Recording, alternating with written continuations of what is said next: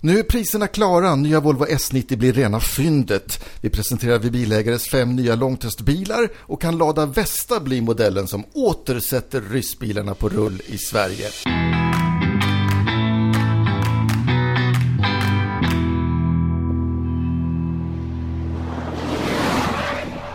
Välkommen till Vi Bilägares podcast. Tommy Wahlström heter jag och idag så har vi Fredrik Dietz Wikström med oss. Välkommen! Hej hej! Hur är läget? Ja, men det var bra. Lite förkyld, men annars bra. Ja, men det är vinter, det hör till liksom. Ja, lite så. exakt. Fel vore jag. Maria Dahlin, välkommen! Tack, hej. Hur mår du? Jo, men jag mår bra. Ja, du trivs i vinterföret? Ja, jo, det gör jag. nu när jag har bil. Eller ja, ja. Ja, du trivs bättre än pendeltåget för det står Ja. still idag Ja. också. Ja. Men då har du en Kia som står och väntar på dig där nere ja. i garaget sen. Fantastiskt. kommer att bli jättebra idag också, ska du se.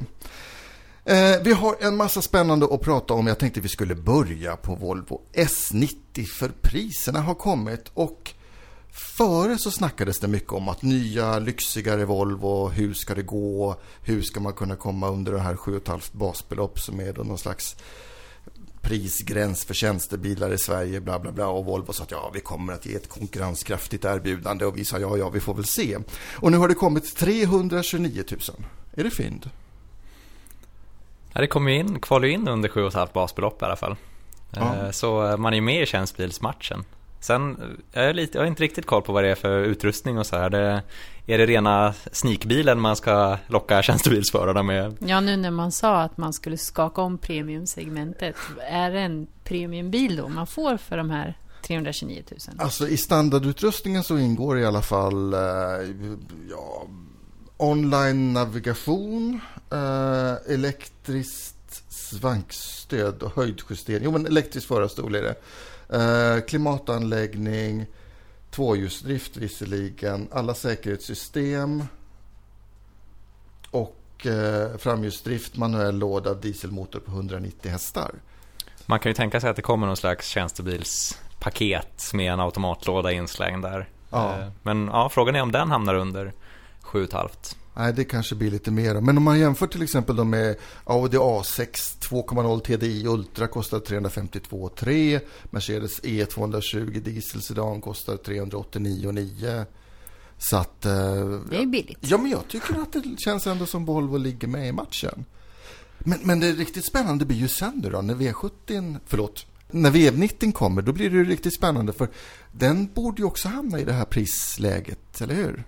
Mm. Ja, det måste ju bli ett kombitillägg på 10-20 000 kanske. Men 20 000 kan man inte lägga på för en kombi idag. Ah, Tror 10 jag. 000 då. 10, 9, Mm. 8, 7. Ja, vi får se. Ehm, men, eh, ja, men vad betyder det här priset då? Ja, men man ger inte upp tjänstebilsmarknaden i alla fall och tjänstebilsmarknaden står ju för Ja, det kanske ni har bättre koll på siffrorna, men halva svenska bilmarknaden i alla fall. Ja. Mer, mer än så kanske. Eh, så det är ju jätteviktigt och eh, ja, det är ju helt avgörande för Volvo för man ska behålla sin, man har ju 20% marknadsandel ungefär idag, femtedel av bilmarknaden. Så för man vill behålla den nivån så är det helt avgörande för man, att man lyckas här också. Så ja, det här ger väl i alla fall en förutsättning att vara med och slåss om de kunderna. Och det visar att Volvo har ambitionen, skulle jag säga, också. Mm. Eller hur? Att man tänker fortsätta att, att konkurrera på svenska tjänstebilsmarknaden. Mm. Eh, Jag läste någonstans också att bilarna blir väldigt mycket billigare här än vad de blir på andra ställen. Ja, jag tänkte just fråga det. Att, hur är det på andra marknader då? Har vi någon slags förtur i Sverige? Ja, lite Sverigerabatt, Extra behandling. Men, men det är också, med, med, för med EU nu så kan man ju köpa, EU-typgodkännandet gör ju att en bil som du får sälja i Sverige får du också sälja i resten av EU. Så att eh, teoretiskt så skulle ju alla kunna åka hit och köpa sin Volvo då. Och ta Mm. in till, istället för Tysklands import så blir det Sverige-import till Ja. Tyskland. Volvo-spekulanterna vallfärdar till Torslanda och Ja, men, vi ja, se. men du förstår, det kan bli många positiva effekter av detta för, för turistnäring och annat. Eh, jo, EU-typgodkännande nämnde jag. Det, det har ju nu kommit ett förslag från EU-kommissionen om att man ska reformera det här EU-typgodkännandet. Eh, Maria, du har kollat lite grann på det där. Ja, va? Vad är de, det? de har kommit med lite förslag på hur de ska motverka att det blir en ny sån här dieselgate alla Vol- Volkswagen. Men, eh, och ja, bland annat så vill de ju in i de här testlaboratorierna och kolla lite mer hur, hur testerna går till och kunna kontrollera dem. För eh, som det är idag så anses det ju vara lite för nära band mellan biltillverkare och testlaboratorium. Så då vill föreslår de då att eh, man ska införa någon slags gemensam finansieringspool som betalar de här testande laboratorierna och om ett labb inte gör som de ska eh, så kan man antingen bötfälla dem eller så kan man upphäva licensen. Eh, och andra förslag är ju också att eh, EU kunna gå in och göra stickprov, beordra återkallelser och kunna bötfälla biltillverkare med upp till 30 eh, 000 euro. Det är typ 280 000 svenska kronor per bil. Per såld bil alltså? Om de inte följer miljölagar. Det är som en helt ny bil. Men, Nej, men, men, ja, och det är kul för det här är ju precis vad som hände i USA. Mm. För, för där hade ju miljömyndigheterna möjlighet att gå in i efterhand och ställa krav att ja men okej, ni har ju sålt bilarna med den här typen av godkännande. Då måste de uppfylla de kraven senare också. Mm. Men det har man ju inte haft i EU tidigare, så det är ju nytt. Mm. Och just att man ska kunna gå in, även om det egna landet inte bötfäller, så ska EU kunna gå in ändå. För att man eh, är väl lite orolig för att man håller lite bilindustrin om ah, ryggen också i det, i, i det egna landet. Mm. Så att, ja, det kan ju motverka det och då är det ju bra. Men jag tänker på en sak när jag hör det där. Det, det är ju det att, att Idag så ingår ju även en, en bränsleförbrukningssiffra i den här deklarationen. Liksom. Kan kommissionen då köra om bilarna i verklig trafik och så ser de att för 17 den här drar 38 procent mer. Kan de då kräva att, att bilföretaget återkallar bilarna och bygger om dem, eller? Ja, det skulle man väl kunna tänka sig i så fall om de vill ha den sorts kontroll. Att det de... vore väl häftigt? Ja. Skulle de få äh, böter för alla bilar som säljs på bilmarknaden i så fall? Då? Ja, typ. Om, om inte biltillverkarna gör radikalt andra, andra uh, körcykler och mätmetoder då för att få fram mer realistiska Det kommer väl bli det också när den här nya uh, körcykeln kommer. Men mm. uh, ja, vi får se vad som kommer först. Ja. Jo, och sen också det här att, att, att EU-kommissionen då skulle få rätt att åter, besluta om återkallelser. Det är, nu, idag så har det varit biltillverkarna själva som bestämmer det mm. i, i Europa. Men i USA så har ju då eh, myndigheterna kunnat bestämma att nej, ni måste ta tillbaka och fixa det här. Liksom. Mm. Ja, det är väl bra. De kan ta, ja. dem, i, ta dem i nackskinnet, eller jag får säga. Nej, men eh, liksom säga till att ja. nu får ni fixa det här. Liksom. Ja, ja. Men eh, det här är inte klart än, va? Nej, det är ju bara som sagt ett förslag och det blir ju, nästa steg blir ju att eh, parlamentet ska ta ställning till det här. Och det kan ju kanske möta lite motstånd. Billobbyn eh, brukar ha ett annat säga till om. Ja, de har ju varit jätteduktiga bilindustrin att lobba i parlamentet. Men, mm. men uh, ja. Frågan är om, det, om de fortfarande är lika starka då efter Volkswagen-skandalen så eller om de har tappat lite. Mm. Ja, vi får se vad som händer. Ja, ja. Eh, annars på nyhetsfronten då? Ja, det har varit lite såna här sammanfattningar av året som gått på olika sätt. Och Ja, rattsurfa blev ett sånt här nyord till exempel. Eh... Ja, vad är rattsurfa? Ja, rattsurfa, det är när man sitter och surfar på mobilen när man kör bil. Och det är ju inte så bra. Eh... Och Trafikverket har ju börjat med en kampanj som hette ja, Sluta rattsurfa. Och, eh, och efter det så blev det väl så populärt så det plockades upp i de här nyorden 2015. Är det så. ett ord som ni tror att folk använder? Ja, men det är ganska bra egentligen. Det är ja. kort och klatschigt. Medier och, använder det väl, men jag vet inte om gemene man gör det direkt. Men... men det var intressant, det var en av de första såna trafikkampanjerna på ganska länge. Som man, när man eh, satsade på att informera om just det här. Användandet av mobiltelefon bakom ratten. Man har ju dragit ner väldigt mycket på kampanjverksamheten. Ja, eh, det var 70-80-tal va, som man körde mycket kampanjer? Då tapetserade man hela stadsmiljön med budskap om att eh, man skulle ha bälte på sig. Men man eh, sen hade lite där... avskräckande bilder också. Ja, exakt. Det var verkligen skräckpropaganda. Mm. Sen har det försvunnit. Man tycker inte det har varit så effektivt. Men nu tycker man tydligen att nej, nu behöver vi göra det här igen när det gäller mobiltelefoner. Och det här man har ju sänt det här på, på Youtube och andra sociala medier. Mm. Det är någon, eh, ja det sitter ju någon med i passagerarsätet. Så titta jag har bakat bullar och det är väldigt sådär. för att de ska gestalta just att scrolla på telefonen och titta sociala medier och ja. Mm. Den, den är lite rolig den reklamen faktiskt. Ja, och bara för att tydliggöra nu då, man ska inte rattsurfa, eller hur? Låt bli. absolut Låt inte. bli. Låt bli, släpp telefonen. Ja. Annars då på nyhetsfronten? Eh, annars då? Ja, eh, Blocket har gjort en liten sammanfattning av året som gått. Eh, när det gäller bilar som såldes. Eh, köp och säljsajten Blocket. Eh, jag har gjort en sammanställning. Och eh, ja, de mest sökta bilmärkena var ju Volvo, BMW, Volkswagen, Mercedes. Men eh, det som är lite roligare att läsa, som är lite mer udda, är ju vilka bilmodeller som såldes snabbast. Eh, och då toppar ju Nissan Almera listan. Oj, det Denna lilla otippat. kompaktbil. Okej. Denna lilla, ja. Eh, Den är het. Ja. Följd av, Förlåt att jag skrattar. det var tätt följd av. Mazda 323, Ja. Opel Corsa och Toyota Corolla. De- Gemensamt de för dessa är ju att det är små bilar, eller hur? Mm, Ganska små billiga. bilar, ganska bränslesnåla kan Och jag billiga. tänka mig också. Och billiga. Ja. Så det kan ju vara en av de bidragande orsakerna till att de gick åt som smör i solsken. Eh, och sen så har de även eh, kollat upp färger på bilar. Vad som var populärast där. Och eh, jag vet inte om ni har varit inne på nätet och läst, men vet ni vilken färg som var allra... Alltså den som sålde snabbast. ja, den som var liksom... Ja, Alltså den gick åt fortast. den som gick åt fortast. Jag har ju sett, jag har ju läst din artikel där på vibilagare.se. Mm. Ja. Okej, så det är jag, så jag som sa rätt Det är du som får gissa. Ja, är det någon tråkig färg då kanske?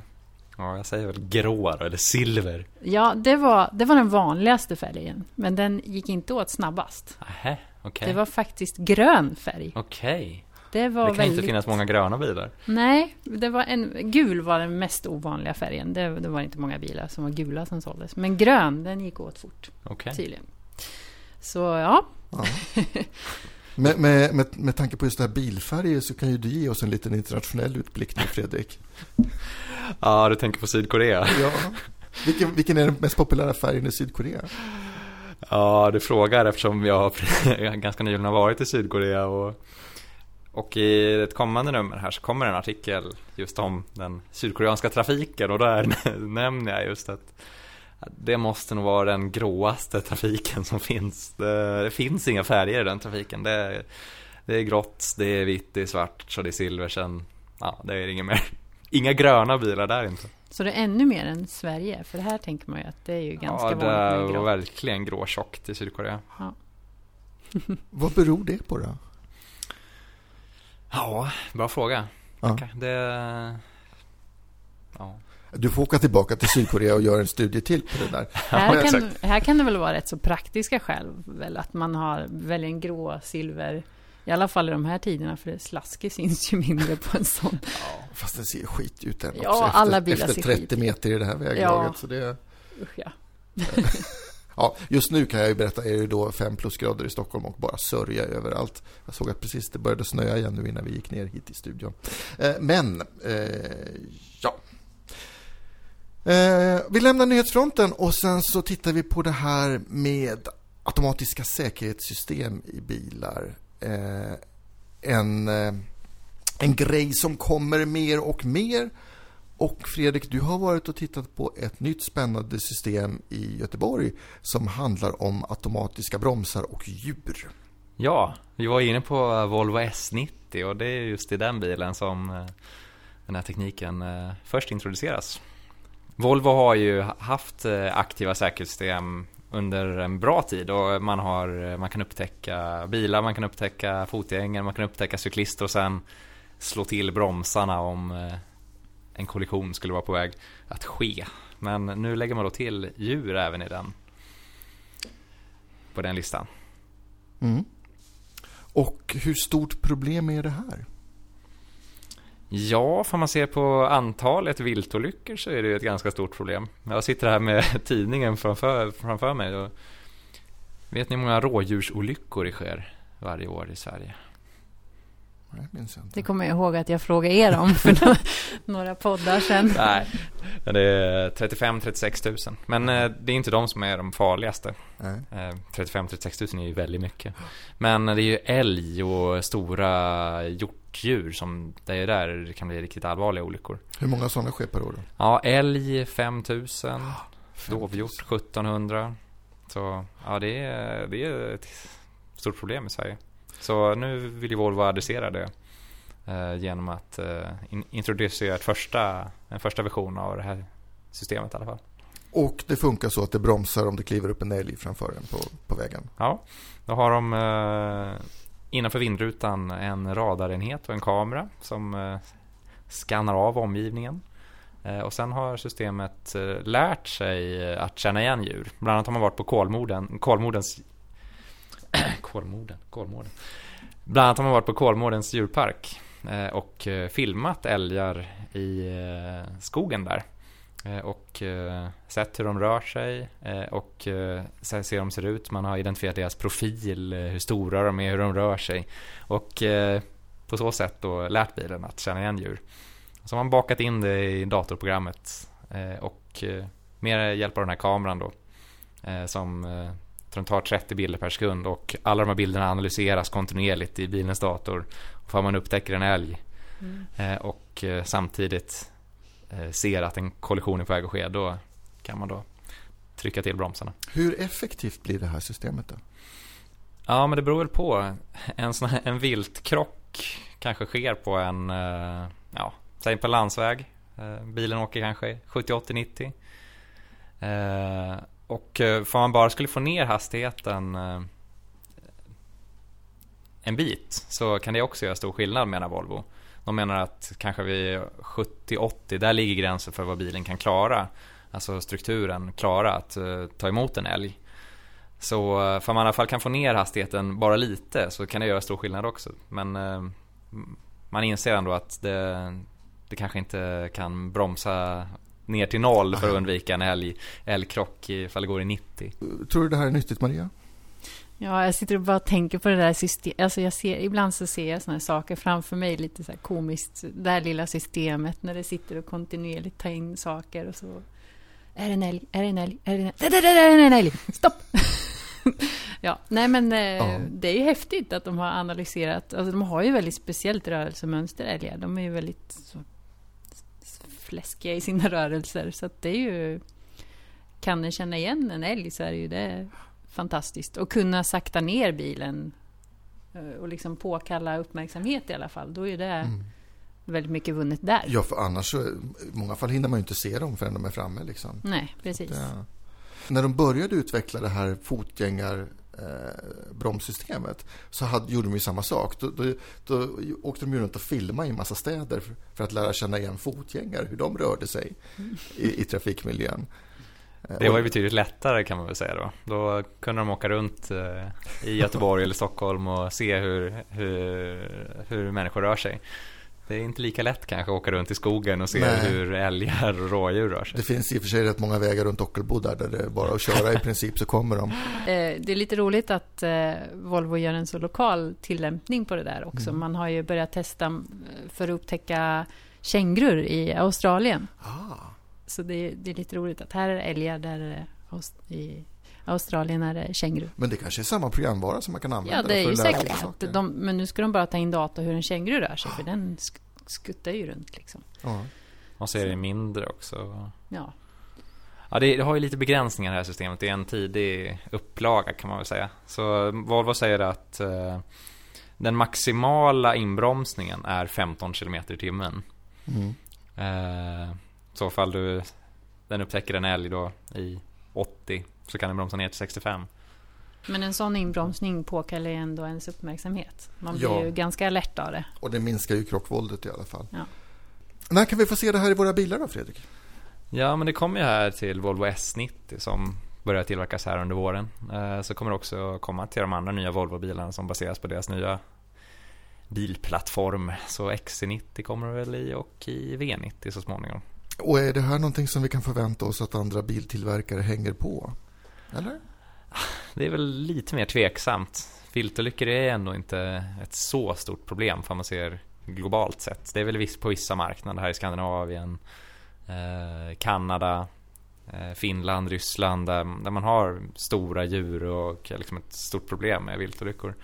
Australien visst med känguru men det är inte kul att köra på en känguru och eh, särskilt inte för kängurun men bilen, eh, ja bilen kanske får lite ont men det är ingen risk kanske för dödsolyckor eller allvarliga skador som det verkligen är med älgolyckor. Mm. Ja, heja Volvo säger vi. Eh, nästa ämne i dagens podd handlar om våra långtestbilar. Vi bilägares långteststall är ju den delen av vår verksamhet som jag tycker kanske är allra häftigast ändå. Vi köper fem nya bilar varje år. Vi kör dem i minst 4000 mil och ett år. Eh, vi har hållit på med det sedan 1987 och nu är vi uppe på bil nummer 168 i vårt långteststall. Ja, det finns ingen motsvarande biltest får man väl säga. Nej, snacka om att man får reda på det mesta om bilarna efter den här tiden. Ja. Eh, och, och, och, och, det är inte bara ett år vi kör. Många bilar behåller vi och kör längre tid också. Men jag tänkte vi skulle återkomma till det. Men, men vi börjar med de nya bilarna som, som nu rullar in och börjar sin bana i, i långtestverksamheten. Jag har listat dem i bokstavsordning. Mm. Mm. Eh, först ut, nya Audi A4 Kombi. Eh, eller Avant som den då heter på Audi-språk. Eh, 383 400 kronor. Vad säger ni om den? Ja, men det ska bli spännande att se om den gör skäl för sitt pris. För det är ju den dyraste bilen här i långtestallet i år. 383 000, det är, det är en slant det. Men eh, vi har ju haft den här bilen på provkörning och den har ju visat sig vara väldigt bekväm, väldigt trevlig att köra. Eh, den kommer säkert sälja som smör här i Sverige. Tjänstebilsfavorit. Stor, stor tjänstebil, ja. Eh. Och det är också intressant för även om nu de här, många av de här dyrare bilarna går ut som tjänstebilar först. Så det är ju de första tre åren men sen kommer de ut på begagnatmarknaden. Och det kanske då det är ännu intressantare att gå tillbaka och läsa vad skrev bilägare i sitt långtest om de här bilarna innan man köper en begagnad. Eh, då är det intressant att se vilka, vilka barnsjukdomar eller vilka modellrelaterade fel som kan dyka upp. Eller så där. Så det, Ja, men det är en given långtestbil i år. Ja. Eh, om det var en given långtestbil så tror jag nästa eh, ändå kan ses som en högoddsare. Vi har köpt en liten cabriolet. För första gången i bilägares historia. En liten Mazda MX-5 1,5. Minsta motorn, ingen extra utrustning förutom metallic lack. 230 500 kronor. Jag tror att du Tommy hade lite litet finger med i spelet där till varför vi köpte in den bilen. Du tyckte väldigt mycket om den när du provkörde den. Men, eh, ja. Men det är spännande. Alltså ja. kul att gå lite utanför ramarna också. Att eh, testa på. Jag måste också inflika som en liten parentes att på vår, eh, vår, vår Instagram så har vi ju publicerat bilder från vintertestet. Mm. Eh, där vi bland annat åkte nedkabbat i minus 20 grader. Det är en jättefin bild. Eh, jag vet inte hur det kändes, men eh, det var kan, kanske det kan lite jag svara på eftersom jag körde den. Ja, det var jag tror det var minus 30 till och med. Minus 30, ja. Hur kändes det då? Hade du halsduk? Ja, jag hade halsduk, men uh, kändes jättebra. Den har jättebra värme. Ja. Uh, och det känns väldigt så här, uh, vindfritt uh, i sittbrunnen. Så ja, jättebra. Jag hörde flera som var överraskade över hur bra den gick i vinter på vinterväglag. Så. Mm. Ja, man hade kanske sina vad ska man säga, föraningar om att den skulle vara jobbig att köra när, i halka. Mm. Eh, bakhjulsdriven som den är. Och, eh, men den gick jättebra, stabilt. Eh, och varm i kupén och inte alls, inte alls något problem med tygtaket. Nej. Det ska bli spännande att följa den under minst ett år. Ja, men om vi, ska, om vi någon gång ska köpa en sportbil så är det väl den här? Ja. En av världens mest sålda sportbilar och, och eh, priset också. Det är ju faktiskt den billigaste bilen i årets stall. Det är sant. Bara en sån sak. Det är sant. 230 500. Och det är som sagt basversionen vi har köpt. Inget extra. Så det är, ja. Eh, nya Opel Astra vi har köpt den med 1,4 liters bensinmotor på 125 hästar. Den kostar 233 200 kronor. Opel Astra, vad säger ni? Jag kan säga våra läsare, eller våra forummedlemmar på uh, nätet är väldigt intresserade av den här på många olika sätt. Och det tror jag säkert att flera också. Så att uh, det blir intressant att sätta den på prov. Mm. Mm. Är det en vettig bil? Det ska vi undersöka. Och den har ju de här, uh, den häftiga strålkastartekniken också som anpassar sig kontinuerligt. Och, Just det, eh, Matrix LED heter den. Precis, lysdiodlampor som eh, man kan köra med helljus på hela tiden i tanken och att eh, vid möten så eh, skärmar den av bara den delen av ljusbilden som där de mötande bilarna ligger i. Ja, just det. det man ser verkligen hur den skär ut liksom runt andra. Ja, det är häftigt. Eh, Subaru Levorg GTN 286 800 kronor. Fyrhjulsdriven eh, mellanklasskombi. Mm. Subaru har gått bra i vår eh, konsumentundersökning Autoindex väldigt länge och haft väldigt eh, nöjda bilägare. Får vi se om eh, vi blir lika nöjda med den här bilen då. Mm. Vad säger våra läsare på nätet om Subaru? Jo, men det är också lite sådär att de är intresserade av den och ja, det material som kommer upp om den är flitigt diskuterat. Mm. Var kommer själva namnet ifrån? Levorg. Ja. Jag tycker ja. det låter som en gammal drake eller någonting. Det, det är någon slags uh, sammansättning av, uh, jag tror att det är Legacy som är bilen den ersätter, är det inte så? Ja, så och, var det. Uh, ja, vad är det nu? Revolution eller någonting. Jaha. Man har och på något sätt möblerat om lite bland bokstäverna. Jag var till doktorn i morse. Jag har fått levorg. Nej, men jag tycker det låter som en gammal drake som ja. vaktar på någon skatt ja, någonstans. Jag tycker det låter som en sjukdom som man inte talar högt om. eh, Toyota Avensis Touring Sports 1,8. 276 900 kronor. Ja, familjekombi rakt upp och ner. Ja. Eh, får se. Hoppas att den eh, kan rulla felfritt som man kanske förväntar sig av en Toyota? Det är väl lite det vi förväntar oss, eller hur? Att nu ska den här gå långt och länge utan fel. Mm. Mm. Annars, Upp till bevis. Annars väldigt konventionell bil. Ja. Jag såg någon bild från vintertestet där alla varningslampor lyste samtidigt på den. Ja, det var inte Toyota-mässigt. Det var på Instagram också va? Ja, ja precis. Det var det. det var det. Så titta gärna där. Mycket kul grejer bakom kulisserna. Hela vintertestet kommer ju i nummer tre också. Där ja, vi redovisar hur det har gått för alla bilarna också. Mm. Jajamän.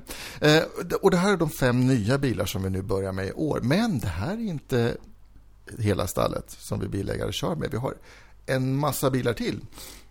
Vi har en elbil, en BMW i3 eh, från 2014 som nu har gått 3400 mil strax.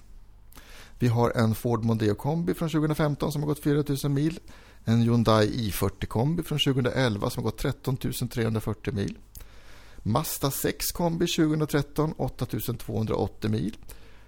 Mercedes B-klass 180 med dieselmotor från 2011 9600 mil. Nissan Qashqai 2015 4200 mil. Skoda Octavia 2014 med DSG-7-lådan, den som eh, inte har gått så bra i alla sammanhang och 1,2 liters TCI-motorn som också har haft lite problem ibland. Den har gått hittills 5600 mil. Vi har uppdaterat växellådan en gång. Volkswagen Passat Sportkombi 2015 4000 mil och en Volvo V40 D2 från 2012 8317 mil. Ja. Svart på vitt. Och de här, testverksamhet. Ja, och de här kommer att rulla minst ett år till. Mm. Ja. Och flera av dem betydligt längre förmodligen. Förmodligen. Ja. Intressant. Och, och som sagt, ni kan följa allt om, om våra långtestbilar på webben www.vibilagare.se eller i tidningen. Förstås. Där rapporterar vi kontinuerligt om vad som händer med. Jajamän. Eh, och apropå det här med bilar. Lada Vesta, Fredrik. Ja, jag fick chansen att köra den senaste Lada-modellen här om veckan och ja, det var en intressant upplevelse. Berätta. Ja, man har ju verkligen eh, förutfattade meningar kring Lada. Så, eh, sådär kvalitet om man eh, ska göra ett understatement. ja, verkligen inte en modern bil är ju den bilden man har. Men det här var faktiskt en eh, uppryckning måste jag ändå säga. Det kändes eh, som en helt eh, okej okay bil för sitt pris. I Ryssland kommer det kosta någonstans mellan 50 och 60 000. Eh, och eh, ja, kändes ändå som en eh, helt okej okay bil för de pengarna. Det här, det här är ju så intressant. Jag är ju lite, lite äldre än vad ni är och jag är ju med, var ju med på förra svängen Lada i Sverige då på 80-talet. Eh, och de var ju rätt bedrövliga att köra på många sätt, de bilarna. Men eh, ja, det är klart att tiden måste gå framåt även här. Ja, men liksom byggkvaliteten, mm. helt okej. Okay. Eh, den har en design som skulle kunna tillhöra vilken koreansk bil som helst. Eh, helt okej okay att köra. Så ja, och, man har verkligen kommit en bit. Och det är Vol en gammal Volvo-designer som har ritat den? Den har ju två Sverigekopplingar kan man säga då. Dels designen, eh, Steve Mattin, som tidigare har designat eh, Volvo V60, eh, S60 och XC60. Dels Bo Andersson som är chef för hela Lada biltillverkaren Autovas. Så ja, det är lite Sverige-inslag i den här bilen en parentes. Jag, var på ett, ett eh, event med Årets bil i, i Tyskland, Opel, och, och, träffade då en kvinna där som jobbade som inköpschef på eh, Opel. Och hon berättade att hon hade jobbat för Bo Andersson tidigare när han var inom GM-sfären. Och hon sa, han är hård, sa hon. Ja, men det är ju den bilden man har fått. Han, eh, han är ju en gammal militär, major till graden. Så han kan ha det rätt hårda nypor tror jag det kanske behövs när man ska bygga, rensa upp en sån bilindustri som eh, Autovas. Ja, han har ju verkligen gjort stora förändringar. Gjort sig av med hur många anställda som helst. Över, långt över 10 000. Mm. Eh, håller på att modernisera den här stora bilfabriken som finns i Toljatti. Bil, staden som växte upp kring den här bilfabriken. Ungefär 100 mil öster om Moskva. Eh, och ja, modernisera Lada. Eh, och ja, jag tyckte det märktes att man har kommit i alla fall en bit. Visst, Nej. det är inte den mest moderna bilen. Det, det gör den inte heller anspråk att vara och den är inte den ja, mest bekväma bilen. Men ja, den, eh, det känns som ett klart lyft framåt. Jag tittade tillbaka i våra, vårt tidningsarkiv och hittade det senaste testet av en Lada från 2000. Då var den stora bilden som inledde testet eh, en lada som är i färd att backa in i just en lada. Alltså bilen i en lada. Var inte rubriken också tillbaka i ladan? Och backa tillbaka lada. Utropstecken var rubriken. Ja, mm. Jag ser inte riktigt anledning att den här bilen skulle behöva backa tillbaka. När kommer den till Sverige? Ja, det är väl det som är frågetecknet i sammanhanget. Eh, den har börjat säljas nu i Ryssland. Eh, men eh, man avvaktar, vad jag förstår, med export till andra länder. Eh, man utvärderar det just nu. Det finns en svensk organisation, Lada, Lada Skandinavien, som jag tror den kallas, som vi har skrivit om tidigare. Eh, och att eh, de har haft planer att till och med nu under 2016 och ja, tidigare också 2015 att då skulle man dra igång bilförsäljningen på bred front men där verkar det ha tagit lite längre tid än vad man först trodde så det kommer nog dröja en stund innan vi får se den här bilen i Sverige. Och pris för en Lada Vesta i Sverige, vad skulle det kunna bli? Ja, när jag skrev den här provkörningen så gjorde jag en översättning då av instegspriset 514 000 rubel som det kostade i Ryssland. Eh, det skulle då bli 64 000. Men jag tror eh, kronan har stärkts jämfört med rubeln eller vice versa. Eller att rubeln har försvagats. Mm. Och eh, ja, den måste ju hamna på ett bra pris för, för att den ska kunna slå. Maria, är du sugen? Slå till på en Vesta? ja, nästa bil kan ja. bli en Vesta. Ni behöver en kombi, ni behöver en kombi. Ja. Mm. Men de kommer med fler karosser här framöver alltså. så eh, det ska komma en eh, kombi och en eh, lite mer högbyggd bil baserad på samma grundteknik så ja. Ytterligare en B-segment SUV med andra ord. Ja, förmodligen. Ja. Det var det mesta för idag mina vänner, men innan vi slutar så har Maria några ord som hon vill dela med sig av till er. Ja, ja jag vill uppmana er att gå in på vår hemsida och klicka det vidare och eh, vara med i vår undersökning Autoindex som vi har dragit igång för i år. Eh, ja, vad tycker du om din bil? Vad är bra? Vad är dåligt? Eh, var med och svara så att vi kan sätta press på biltillverkare och verkstäder. Mm. Det är viktigt och bra. Så Och så kan man vinna saker också. Va? Ja, man kan ju få lön för mödan också. Man kan vinna resepriser värda 25 000 kronor. Och 25 000 räcker ganska långt. Eller Ja. hur? Så gå in på hemsidan och var med. Tack så hemskt mycket för att ni lyssnade idag. Eh, Ni hittar fler poddar på vår hemsida www.vibilagare.se. Vi finns på iTunes. Vi finns på Instagram, vi finns på Facebook, överallt där du finns nästan. Eh, tack för idag, slut för idag. Hej med dig. Hej. Hej då!